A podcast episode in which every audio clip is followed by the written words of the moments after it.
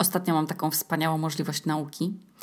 I to jest w ogóle taki dla mnie moment jakiś przełomowy, słuchajcie, to, więc to będzie bardzo ważny odcinek i zbieram się i zbieram i zbieram do niego. I w końcu właśnie teraz jest ten moment, gdy wiem i Wam powiem. I chodzę do szkoły islandzkiego, gdzie wszystko jest, słuchajcie, po islandzku. Wszystko na wejściu się tam zdejmuje buty i jest oprócz dużo kapci do wyboru do koloru, podróby klapeczków Adidasa, jakieś tam bambosze, pantofle, papcie, wszystkie regionalizmy odnośnie papci, to teraz sobie mm, przypomniałam. No i tam y, nad tymi wszystkimi kapciami wisi kartka, cała po islandzku, gdzie jest napisane coś tam o tych kapciach, bo na rysunku są właśnie one.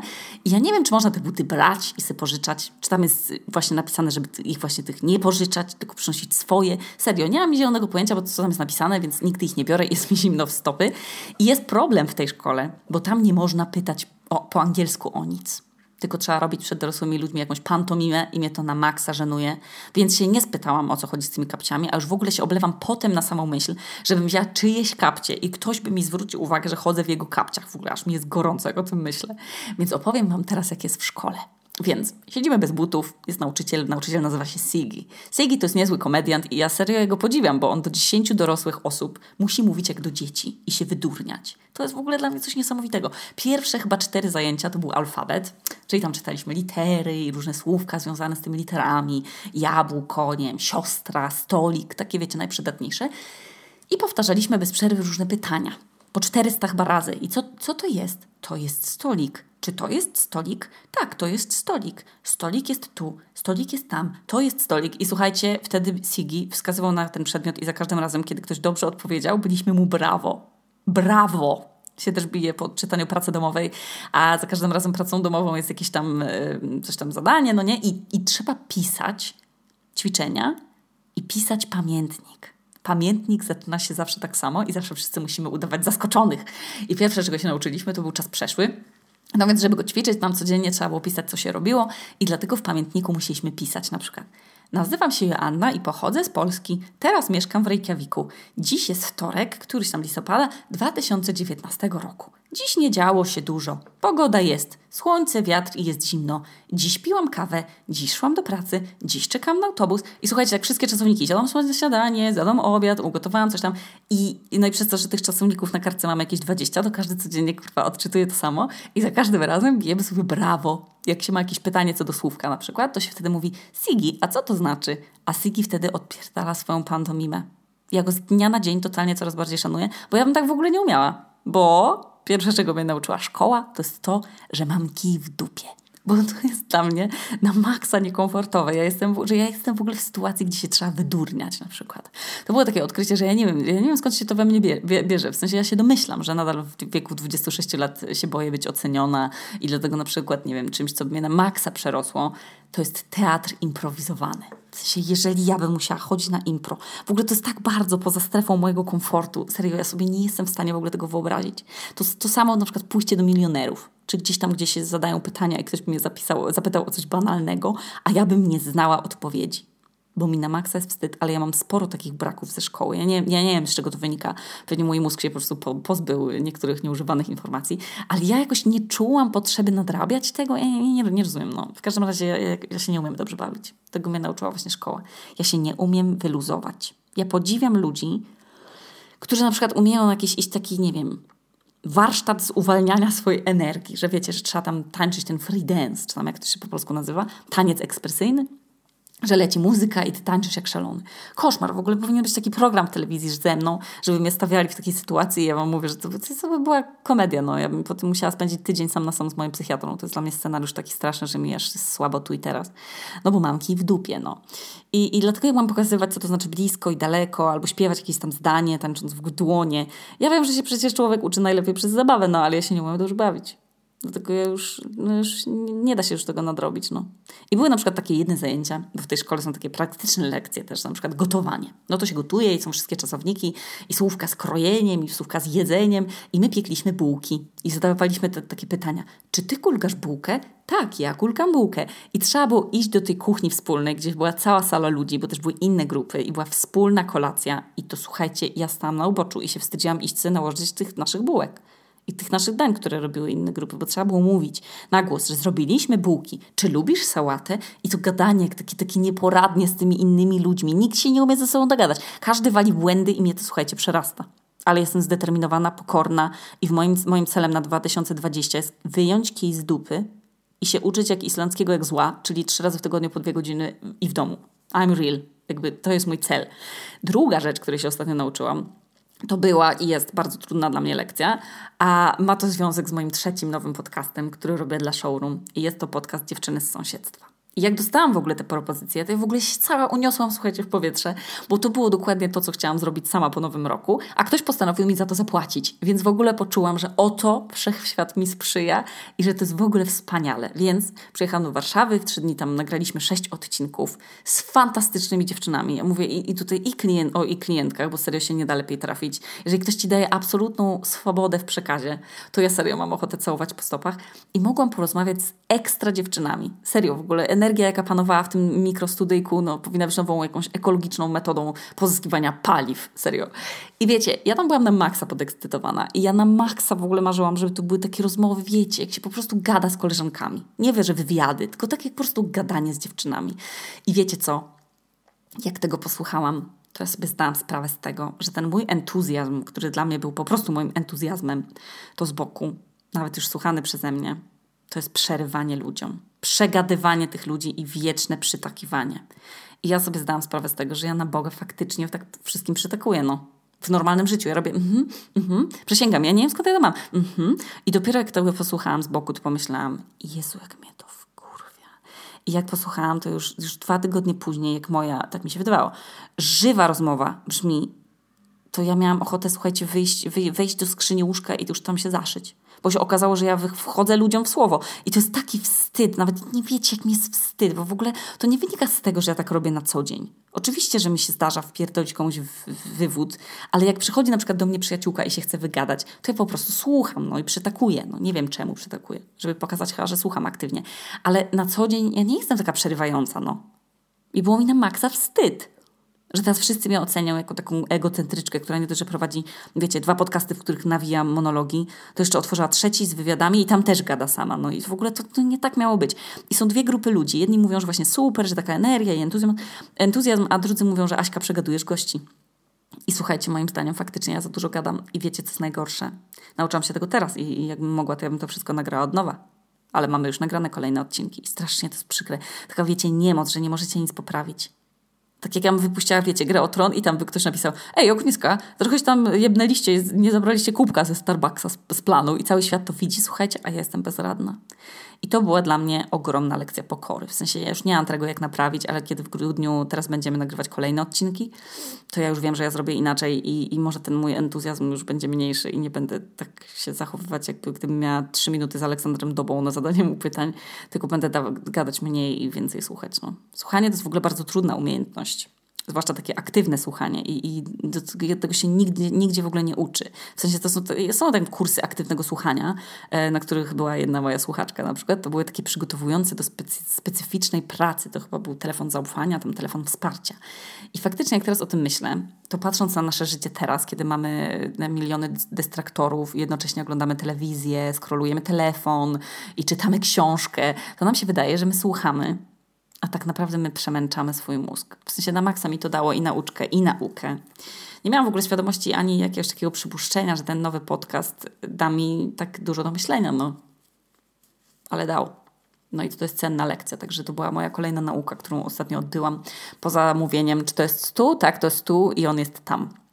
W ogóle niesamowite jest to, ile ja się uczę od Was, w sensie od słuchaczy moich podcastów. Bardzo mi dużo uświadomiliście przez ten rok nagrywania.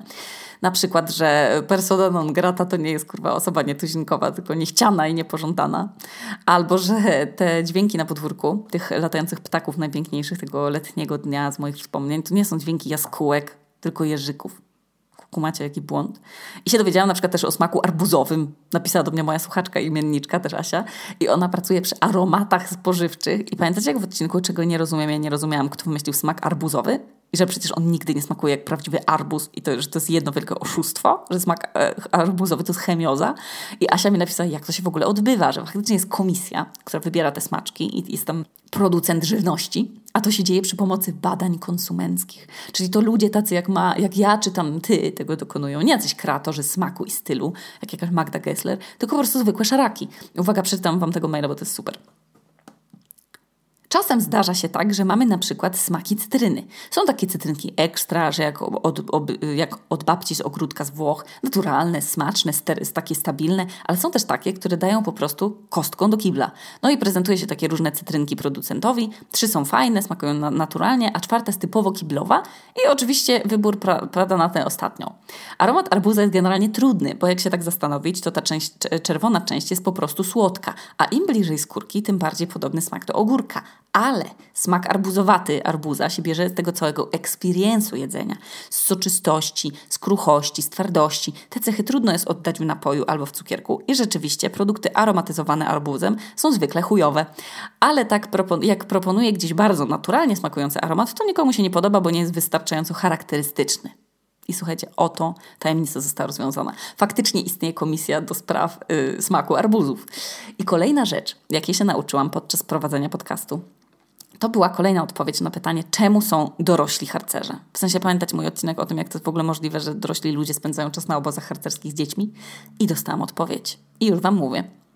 Dorośli harcerze, poza tym, że oni tam, wiecie, jeżdżą do lasu i robią zbiórki dla harcerzy, to są po prostu przecież dorosłymi, zarządzającymi niejako całą tą organizacją, bo harcerstwo to, to jest po prostu ruch społeczny i nie dałoby się tego prowadzić, gdyby nie dorośli ludzie. Czyli oni muszą mieć przecież księgowych, rzeczników prasowych, nie wiem, pedagogów, ludzi od psychologii, bo jak przeczytałam w mailu, harcerstwo to 110 tysięcy członków i członkiń w Polsce, a ich misją jest, uwaga, kształtowanie i wychowanie młodego człowieka we wszechstronnym rozwoju i kształtowanie charakteru przez, przez stawianie wyzwań.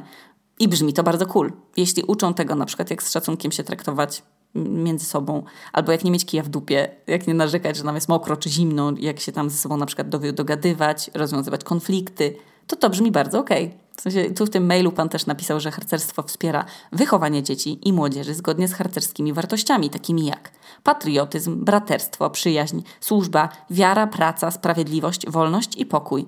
I super to brzmi dla mnie, na przykład super mi brzmi dla mnie patriotyzm. W sensie ja go rozumiem jako prawo do życia w spokoju wobec wszystkich obywateli, dbania o swój kraj, jego, jego przyrodę, czyli w ogóle jako o wspólnotę. Przyjaźń, praca, sprawiedliwość, wolność i pokój, ale trochę mnie, słuchajcie, niepokoi wciąż braterstwo, służba i wiara. Wydaje mi się, że to są takie rzeczy, które, o których troszeczkę powinniśmy, może nie zapomnieć, ale zmienić może...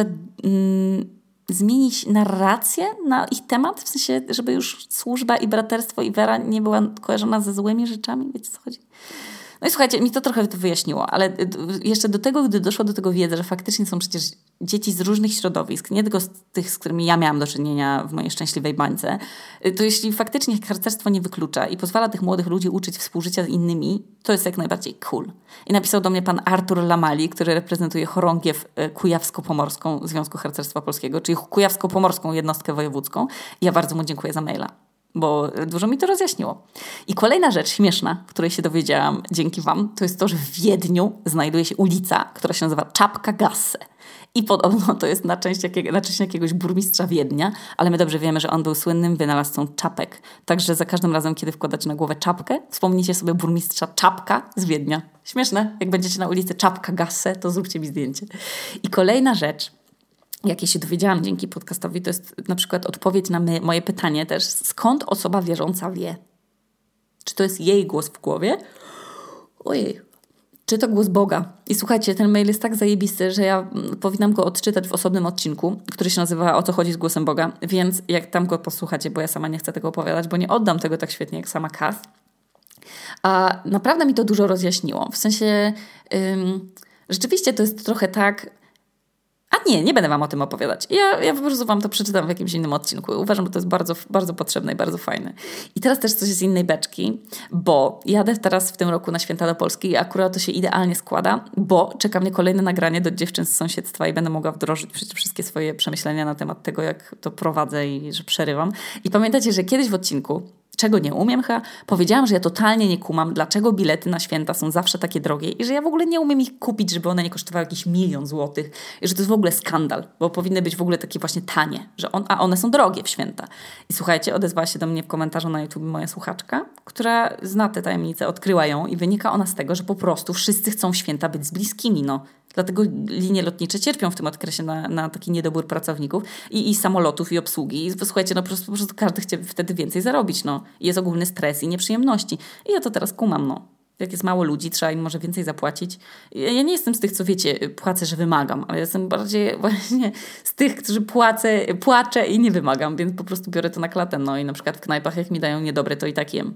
I, I latam z niedogodnościami też. Taki mój żywot osoby, która nie umie odmawiać i narzekać ludziom prosto w oczy.